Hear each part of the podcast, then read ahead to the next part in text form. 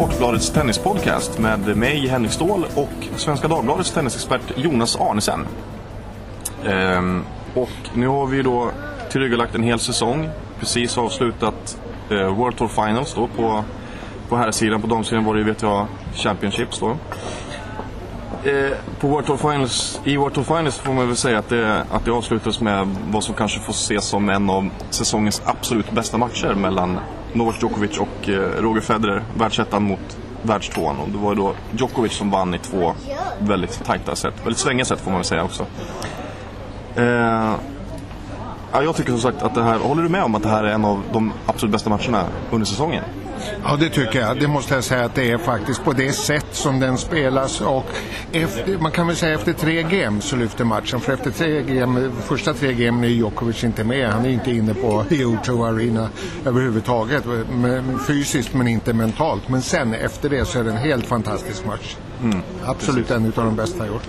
Ja, men det, det, det, känns som att denna som saknades var verkligen det där tredje setet. För att det här hade ju det hade alla de här de här eh, twisterna i matchen som då när Federer tog trean och man, man kände sig, jaha men ska det här bli som det var i Cincinnati när han tog första set med 6-0 och sen blev det lite mer kamp i andra set. Men att Djokovic kommer tillbaka så, där, så starkt han gör. Eh, att han bryter där till 5-4. Då tänker man, jaha men nu är det Djokovic som tar det här. Federer bryter tillbaka.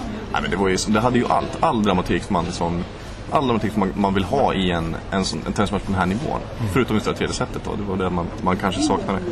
Eh, det som det har varit lite snack inför World Tour Finals, för det, det som man kan säga eh, var lite tråkigt om man säger, inför turneringen, det var just att Novak Djokovic redan hade eh, tagit positionen som världsetta vid årets slut. Så att säga. Det var redan bestämt att han skulle avsluta året som världsetta. Så det påverkades inte av World Tour Finals. Men eh, eh, det jag tycker var väldigt roligt med att det blev just Federer mot Djokovic i den här finalen. Det, var ett, det har varit väldigt jämnt mellan de två. De hade 2-2 inbördesmöten, de har varsin Grand Slam Ehm, varsina tre Masters eh, och så vidare. Så det kändes lite som att den här matchen avgör vem som blir Player of the Year, liksom årets spelare. Eh, kan vi slå fast nu att det är Novak Djokovic som är årets spelare 2012? Absolut, det kan vi göra. Och egentligen hade han väl varit det ändå, även om Federer hade vunnit här. I och med att Djokovic, som du säger, ändå hade blivit världsetta. Och jag tycker, till skillnad mot som vi har haft på damsidan för några år sedan med Wozniacki som världsetta utan att vinna en Grand Slam-titel. Då kan man börja ifrågasätta första platsen tycker jag. Men här hade Djokovic, han, han var en värdig etta, även, hade varit det även om han hade förlorat. Det tycker jag. Mm, det håller jag med om. Jag tycker att det finns en liten nerv där. För att, eh jag tycker nästan att man, man nästan får dela lite på, han får lite dela med sig lite av den här lilla kakan till Federer just eftersom Federer har ju verkligen slagit ur underläge i princip hela säsongen. Det var ju inte många som trodde att han skulle bli världsetta igen. Eh, att han skulle slå rekordet med över 300 veckor som världsetta totalt. Att han skulle vinna Grand Slam och att, och att det skulle bli Wimbledon var det ytterst få tror jag som, eh, som kunde förutse inför säsongen. Så att han har gjort en oerhört stark säsong tycker jag. Och att han också har varit väldigt bra mot Djokovic. Det har ju liksom utvecklats till en väldigt intressant rivalitet mellan Djokovic och, och Federer. Så jag tycker att om Federer hade vunnit den här matchen, då tror jag nog, jag, jag hade nog kanske tyckt att Federer hade varit årets spelare. Okay. Ja, det kan jag tycka. Mm. Um, men däremot, det har ju varit snack om Andy Murray också. Att han kanske hade kunnat vara inne där och om han hade vunnit World Tour Finals då så hade han varit kanske årets spelare. I och med att han har sin OS-guldmedalj och han har US Open-titeln. Det tycker inte jag riktigt att han... Han har kanske inte det snacket att göra. Det, det var mellan Federer och Djokovic. Och nu tycker jag att Djokovic tog det. Liksom. Nu är han liksom tenniskungen 2012. Ja, men det håller jag med dig fullständigt om. Och Murray, om vi tittar, som du säger, OS och US Open. Och det stora är ju där att han bryter den här brittiska förbannelsen efter 76 år. Det är ju det som är grejen.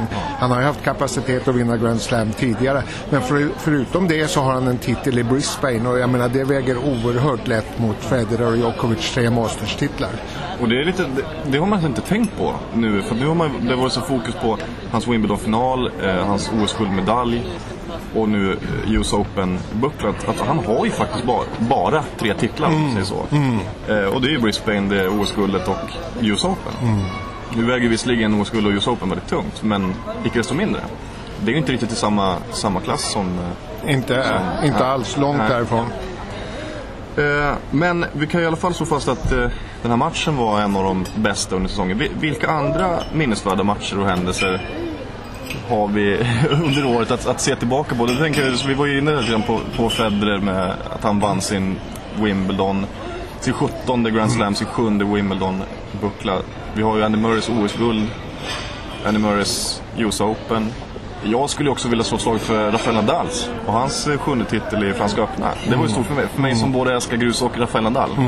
Ja men det är naturligtvis stort.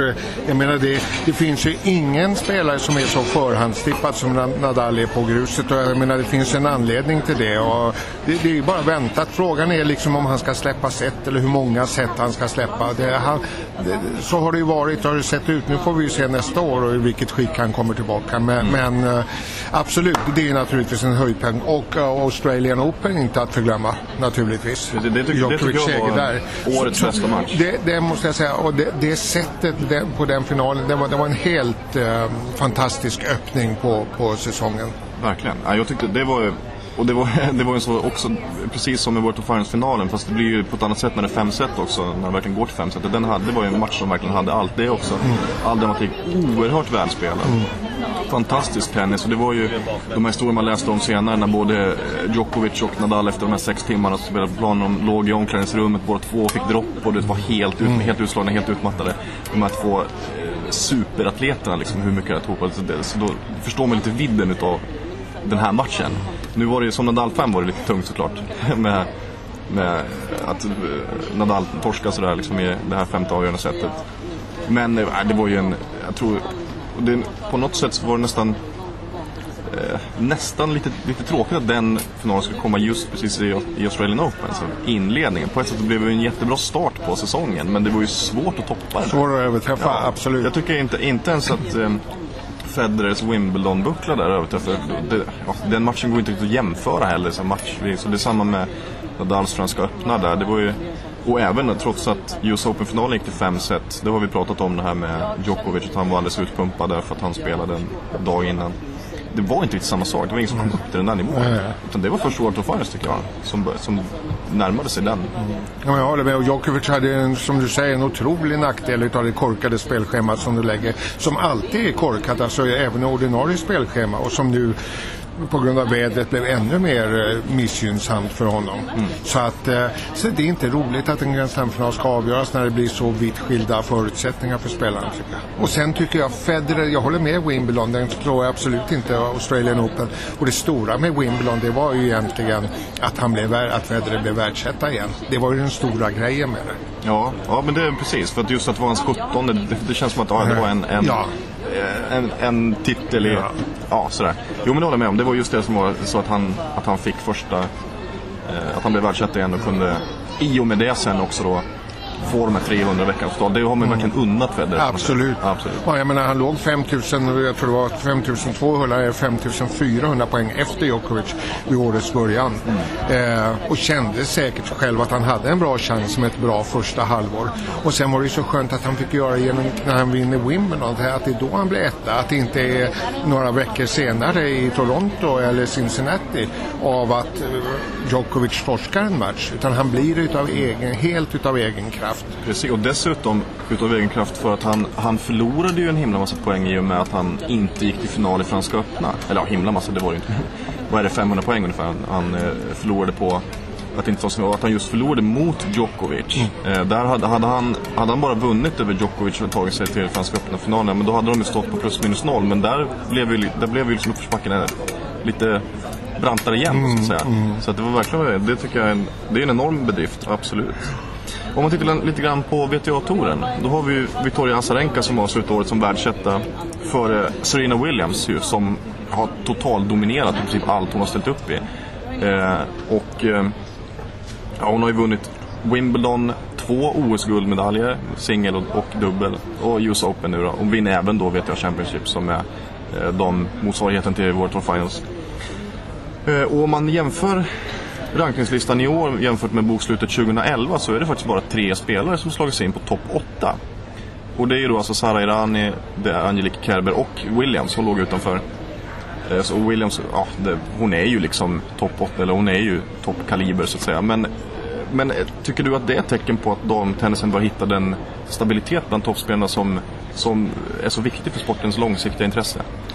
Ja, det, på ett sätt är det, det är ett första tecken på det. Men för att det ska bli riktigt intressant så krävs det att två eller fyra spelare i toppen håller sig där hela tiden. Jag tänker då på Sharapova och Williams.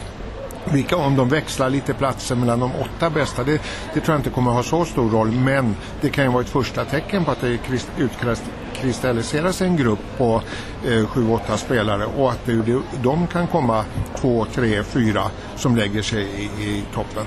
Ungefär som det är på här sidan. Det kanske inte blir lika cementerat som det har varit där men, men eh, William som du säger hon är ju världsetta, alltså hon är ju bäst i världen. Det är ju bara så att när hon är motiverad och tycker det är roligt att spela då finns det ingen som kan ta henne, det finns inte en möjlighet.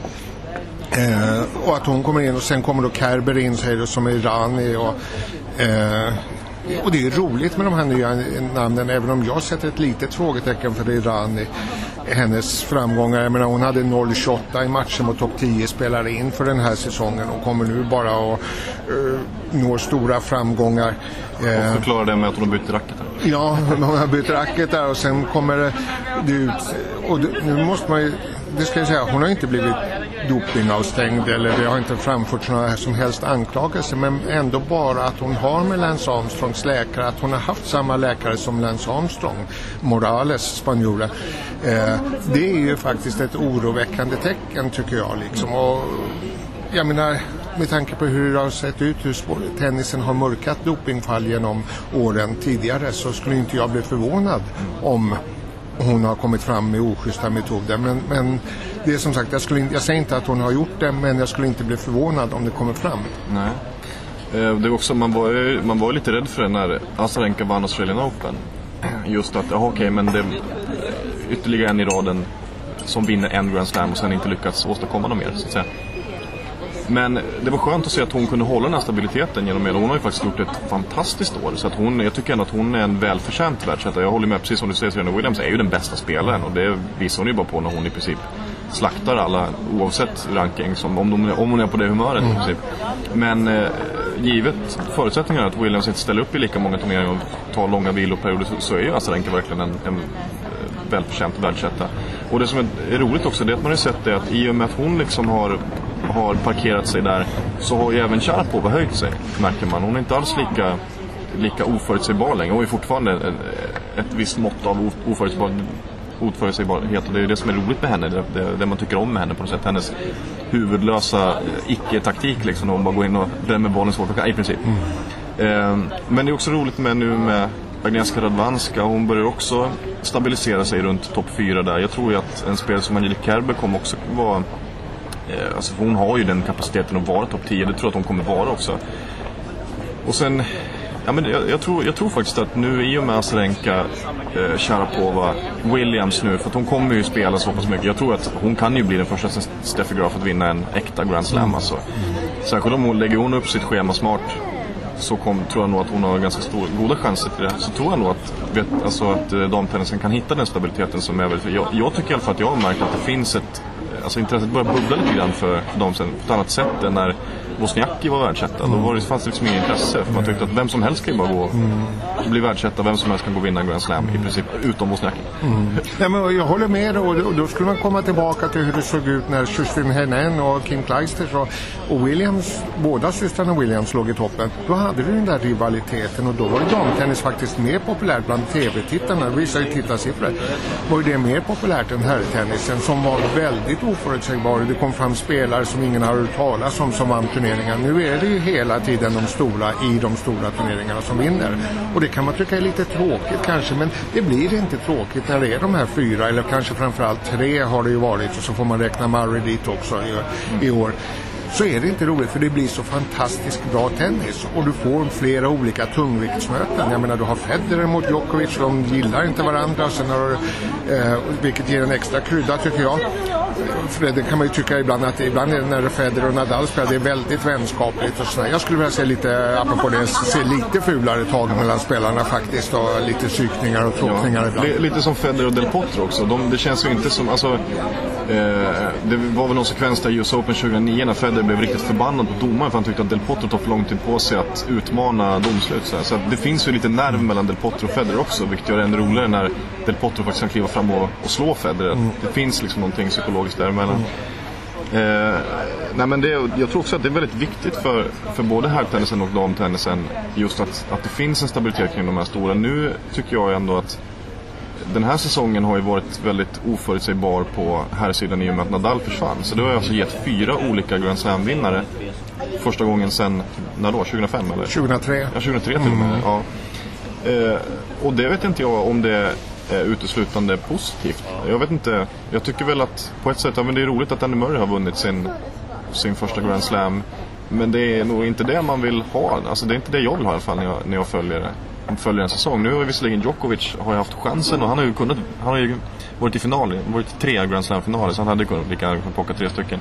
Men det finns ju ändå någon, så det blir ju mer dramatiskt när det är så att det står mellan det står i princip mellan fyra personer som du säger, men det är egentligen två som turas om. Tidigare var det mm, Federer, mm, Nadal, mm. nu har det varit Nadal, Djokovic och sen har, har liksom Federer kunnat utmana, Murray har kunnat utmana, men du vet sådär. Men som det varit i år jag vet inte om jag, om jag är odelat positiv. Det har såklart varit kul. Det var jätteroligt att Federer vann sin 17 vann i Wimbledon. Det var kul att Murray fick sin, sin eh, US Open-buckla där. Men på lång sikt, ja. Den tror jag nog den här stabiliteten pratar om. Den är, ja, men det, det, är viktigt med en Big Four och en, en Big Two eller Big Three i den där Big Four. Mm. Eh, likaså, och det, det, kan ju vara en, kanske en nackdel på, på damsidan just att Williams är så oerhört överlägsen på något sätt. Just för att då blir det, då de, den, den rivaliteten som uppstår mellan henne och andra spelare är liksom inte riktigt lika intressant. Rivaliteten mellan henne och Sharapova eller henne och, och uh, Azarenka, hon slår dem jämt. Mm. Där är ju rivaliteten mellan Azarenka och Sharapova mycket roligare och mer intressant. Till exempel, eller Radvanska och Sharapova. Så Det blir också roligare matcher att titta på. Det tycker, tänker man ju när man går tillbaka till Federers, när han var så dominant. Det var ju när Nadal kom och, och verkligen visade att nej men du kan inte vinna allt. Nu, nu kommer jag här liksom och, och utmanar dig på... Det var ju då det verkligen blev superintressant. Om Federer hade gått och bara... Om, om man säger att Nadal inte hade eh, blommat ut sådär. Ja men då hade ju Federer bara vunnit allt. Det hade ju inte varit roligt det heller. Nej, och det håller jag med fullständigt Och där är det svårt på damsidan att se vem som ska kunna utmana Serena Williams alltså faktiskt. Eh, åtminstone under den närmaste säsongen. Eh, för det finns ingen som riktigt har det där spelet. Som du säger, Sharapova är bra men hon är väldigt vårdslös emellanåt och sånt. Har ju blivit mycket bättre men, men fortfarande lite för vårdslös för att liksom utgöra ett riktigt hot. Eh, här, nu kan man glida in lite grann på just, just det här med eh, alltså en en anledning till att det är färre spelare som vinner alla Grand Slams kan ju ha att göra med att spelet har homogeniserats lite grann genom att man har gjort hardcourt-banorna och gräsbanorna långsammare. Det här var Federer ut med det efter sin förlust i World of Finals-finalen. Och tyck, han tycker helt enkelt att banorna är för långsamma. Han tycker att det borde finnas fler snabba underlag eh, som premierar det offensiva spelet mer. Och han menar att defensiven har blivit den nya offensiven på något sätt. Om man inte har ett ett i princip nästan ogenomträngligt försvar som de Murray eller Djokovic eller Nadal så är man chanslös. Um, har han rätt i det? Ja, det, uh, ja, det tycker jag absolut att han har. Och jag menar, vi har ju sett den här trenden i drygt tio år och det började egentligen med grästennisen som förändrades väldigt mycket och sen att inomhusunderlag är så här långsamma som det är nu. Jag tycker det nästan är lite löjligt för det blir det är bara ett tak på oss och väggar annars är det som utomhustennis. Eh, så att visst, helt klart har han att de här grusspecialisterna gynnar sig enormt och det såg vi här i finalen. Det, det är den som har starkast försvar som vinner. Eh, och du har inte helt tagit bort serve-volley. Det, okay, det kan gå att spela på vissa poäng men, men det går inte att ha som en genomgående taktik i spelet. Och då har du ju tappat en dimension av tennisen. Nu blir det två spelare och det, det är den som Eh, kan tränga igenom den andres försvar till slut. Men du får inte den här variationen som det var till exempel när Patrick Crafter mötte eh, Agassi. Att du har en som går, kommer på nät hela tiden och en som passerar. Och, så att tennisen har ju blivit mycket, mycket fattigare genom att de har gjort så här. Mm. Och det gjorde man ju då för att ta bort servekanonjärerna på 90-talet, Ivan Isiewicz och Rosetski och dem. Vilket jag i sig tyckte var bra, för då var ju tennisen fruktansvärt monoton och tråkig under ett antal säsonger. Det var bara serves och så bytte de serveruta och sen var det sidbyte. Och så fortsatte det sådär. Men det problemet är att det har gått för långt. Man har gjort det för långsamt. Okej okay, om man gör underlag långsamma men använder då snabbare bollar. Nu har man gjort allting långsammare och det är inte bra. Nej. Jag håller med, jag håller delvis med. För att nu, å ena sidan så eh, har jag ju oerhört svårt för serven på volleytennisen. Jag tycker den är väldigt tråkig, monoton. Det är liksom hård serve, spring, spring till nät och sen, ja men du vet, när, när en bollduell är över på efter fyra slag, då tycker jag det blir lite, det, det kan vara lite tråkigt så här. Och därför så, eh, som tennisen på 90-talet, den var för snabb tycker jag överlag. Men jag håller med dig om det att det måste ju, finna, det måste ju finnas snabba underlag också. Det kan inte bara vara långsamt. Å ena sidan, man säger ju ofta det att tennisen har blivit mycket mer tv-vänlig nu. För att det är långsammare och det är lite mer när vem som helst kan faktiskt vinna en poäng. Eh, lite som Federer säger att du kan slå 15 bra slag och sen så slutar ändå med att du drar en sista i nät och så förlorar du. du vet. Eh, men jag håller med om att de har dragit det liksom ett, eh, ett varv för långt så att säga. Alltså Wimbledon ska ju vara snabbt, så är det ju bara. Det, Wimbledon ska inte vara så långsamt som det, som det är. Det är samma med, jag tycker att mycket, många hardcore-turneringar har, varit, har liksom gjorts alldeles för långsamma. Du kan säga Indian Wells tycker jag är för långsamma. Ja, egentligen nästan alla Masters-turneringar, hardcore, även Shanghai och Paris, för att vara inomhus är de ju fruktansvärt mm. långsamma. Mm. Eh, och det det gynnar ju som sagt det gynnar ju grusspecialisterna för att de är defensiva specialister. Men det gynnar ju inte variationen på tennisen. Eh, det som var lite roligt med den här, den här uppdelningen förr när det var, gruset var långsamt, hardcourt och snabbt. Det var just att, att ehm, det kom fram olika sorters spelare. Då hade ju som du säger de här serve volley specialisterna, de här Boris Becker och så hade du Agassi som var bättre på försvar och så vidare. Och där var det ju så att de serven volley-specialisterna var ju totalt chanslösa på grus och grusspecialisterna var totalt chanslösa på gräs. Mm. Det kanske är lite, lite överdrivet det också. Det är ju roligt om en spelare som Nadal inte är totalt chanslös när han går ut och spelar Wimbledon. Men det måste ju få finnas en del det måste ju, få, det måste ju vara variation i mm. spelet. Där tycker jag att varför inte, varför inte ha till exempel om US Open kunde vara snabbt så har man Australian Open långsamt. Och så kan man göra så lite grann med vissa Masters-turneringar också. Eh, om man nu har Shanghai och Paris som är inomhus, då får det vara snabba, tycker man ju. Då får det vara snabba turneringar. Sen kan man ha lite långsammare hardcourt på, i, i andra, som Miami eller Indian Wells och sånt där. Men jag håller med dig fullständigt. Om du tittar då hur orättvist det är egentligen för de som är bra, har ett bra offensivt spel och med det menar jag typ servo så skulle kunna spela servovolley men inte kan det. 11 av 13 tävlingar är långsamma eller går utomhus. Alltså 11 av de 13 största tävlingarna, fyra Grand Slam och, och sen resten i Masters. De går utomhus och det gynnar, och ska då de här spelarna som är bra på långsamma underlag även gynnas i Paris och Shanghai? Det är ju liksom, jag tycker det är löjligt och det är, det är typ Federer, en sån som Robin Söderling till exempel som är en otroligt bra inomhusspelare eh, skulle ju gynnas av fler inomhusturneringar. Det är ju absoluta majoriteten är utomhustävlingar. Så att då tycker jag de få inomhustävlingar som finns, där ska faktiskt en annan speltyp kunna gynnas. Mm. Ja, där är vi helt, helt ense. Får se om, om det blir någon någon sån utveckling i framtiden. Det, det, ser inte så ut eftersom allt bara blir långsammare, bollarna blir långsammare och så vidare. Därmed sätter vi punkt för, för, den, för den här gången så att säga. Och för säsongen 2012. Absolut. Tack så mycket.